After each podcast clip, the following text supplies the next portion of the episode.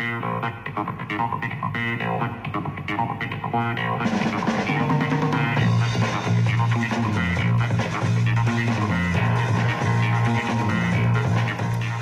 današnji dan obeležujemo Svetovni dan hrane. Ta letos poteka pod sloganom Povezovanje v kmetijstvu je ključ za zagotavljanje virov hrane.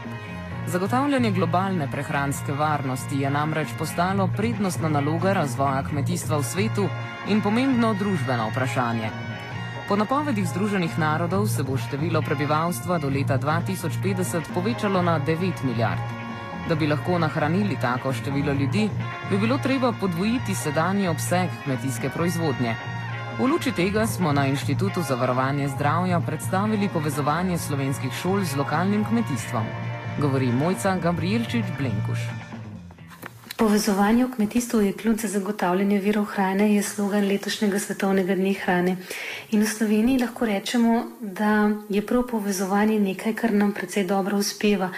Namreč povezovanje kmetijskega, šolskega in zdravstvenega sektorja je po našem mnenju vzorčni primer, kako lahko sodelovanjem v različnih projektih, s povezovanjem, s podbujanjem sodelovanja različnih ljudi, različnih inštitucij prispevamo k skrbi šolskega sistema z lokalnimi veri hrane, v skrbi za zdravje otrok in mladih. Namreč hrano v določeni meri lahko dobivajo šolari vrtičkari tudi z lokalne oskrbe in na ta način se šole in vrtci lahko povezujejo z lokalnimi kmeti.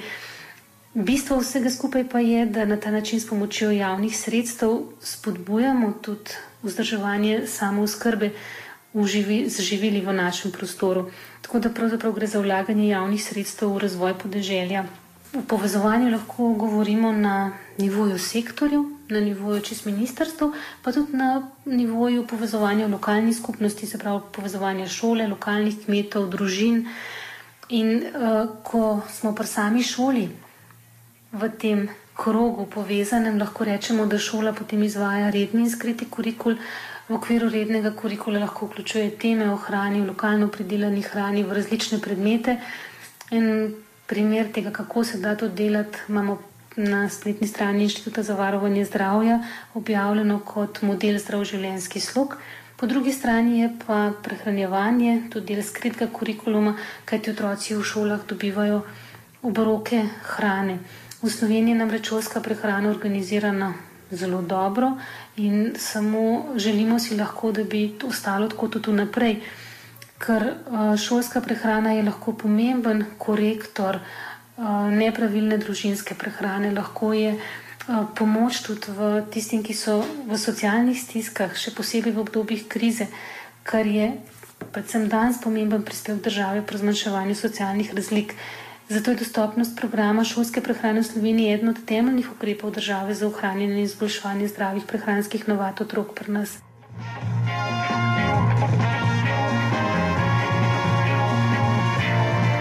O specifičnih problemih s hrano v Sloveniji pa smo se pogovarjali z Živo Korošec iz Inštituta za nutricionistiko. Uh, ja, hrana postaja precej dražja v zadnjem času.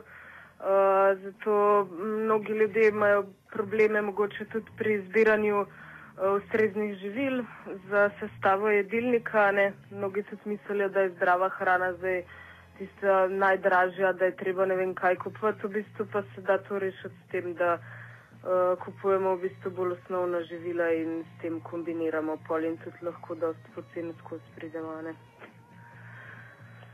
Zdaj, um, velikrat slišimo v zadnjem času, da so bio živila v bistvu živila, ki uh, zgledajo manj slabše, ampak jih potem prodajo marketinško kot bio živila. Uh, na kaj naj pazijo um, uh, ljudje, ko kupujejo v, v trgovini uh, zdravo hrano? Uh, ja, ne gledajo predvsem na, zdaj, če gre za osnovna živila, seveda morajo zgledati v redu, kakšna gnila ali kakorkoli poškodovana, sigurno ne morejo biti bolj zdrava od tistih, ki normalno izgledajo. Zdaj, pri teh ekoživilih je doskrat problem, da prihajajo iz zelo oddaljenih krajev sveta in imajo za sabo že ogromno kilometrov, zato pač um, je koristno kupovati tisto hrano, ki je predelana v čim bližji okolici. uh, zaradi tega, da taka tudi ohrani več koristnih snovi. Uh, tako da naj bojo pozorni čim bolj na to, da se kupuje lokalno, sezonsko, pač tako hrano. Ne? Zdaj, ni, kot sem že prej rekla, ni treba zdaj ne vem, koliko denarja zapravljati za neke eksotične stvari, da mislimo, da nam bodo tako bolj koristile, niti ne. ne. Tudi v naši okolici raste ogromno stvari, ki jih lahko zlahka dobimo v trgovinah in so tudi z tega vidika uh, bolj zdrava lahko. Ne. Kakšne so prehranjevalne navade slovencev? Uh, ja, še vedno niso zelo rožnate, ampak jaz mislim, da se izboljšujejo.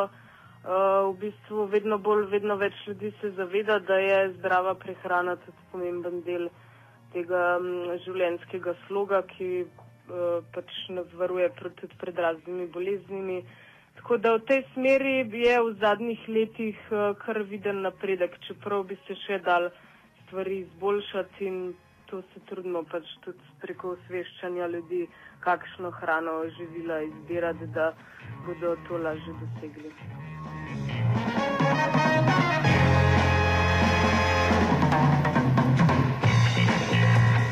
Okviru Svetovnega dneva hrane je sicer na Biotehnički fakulteti v Ljubljani potekala okrogla miza z naslovom Nutrigenetika - male in velike skrivnosti prepletanja prehrane in genov. Govorili smo z Andrejem Krašovcem, enim izmed gostujočih na okrogli mizi, sicer strokovnim sodelavcem podjetja Gene Planet, ki se ukvarja z nutrigenetsko analizo. Nutrigenetika to je bolj, bolj nova veda, predvsem v okviru nutrigenetske analize. To je bolj nov produkt na tako slovenskem kot evropskem trgu. Zdaj v okviru te analize se posamezniku predstavi njegovo telo um, bolj z vidika vpliva oziroma povezave z prehrano. Se pravi, um, rezultat same analize mu poda informacijo, katero hrano oziroma vitamine, minerale, če se mora jesti več, da bo zadovoljil dnevni potrebi telesa. Namreč z, z napredkom ne velja več, um, se pravi, informacija, da za vsakega je dnevno potrebno neko poprečje kajti to se med posamezniki močno razlikuje in z nutrigenetsko analizo vsak izve točno zase, kakšne so zahteve njegovega telesa po določenih hranilih. Uh, kako pa poteka ta analiza? Sam potek je zelo preprost, namreč to je bil tudi poanta oziroma um, tako se je želelo zadevo postaviti, da bi uh, stranka, ki se za to odloči, da bi bilo za njo čim bolj enostavno. In ko se odloči za naročilo, se ji na dom pošlje zbiralnik za odzem sline, ko ima čas in ko je to ustreza lepo doma v domačem okolju, odda vzorec sline v zbiralnik, se skupaj zapre in odda na pošti. Mi zadevo prejmemo in jo pošljemo naprej v laboratorij. Ko je analiza končana, pa se jih dostavi rezultate. Rezultate se dostavi v pisni obliki, se pravi, natisne se knjiga z vsemi informacijami in se mu pošlje na dom. Uh, kako pa v tej luči gledate na te vse pavšalne diete in načine zdrave, prehra, zdravega prehranjevanja? Ja, zdaj te splošne diete so, kot že samo ime rečeno, napisane bolj splošno.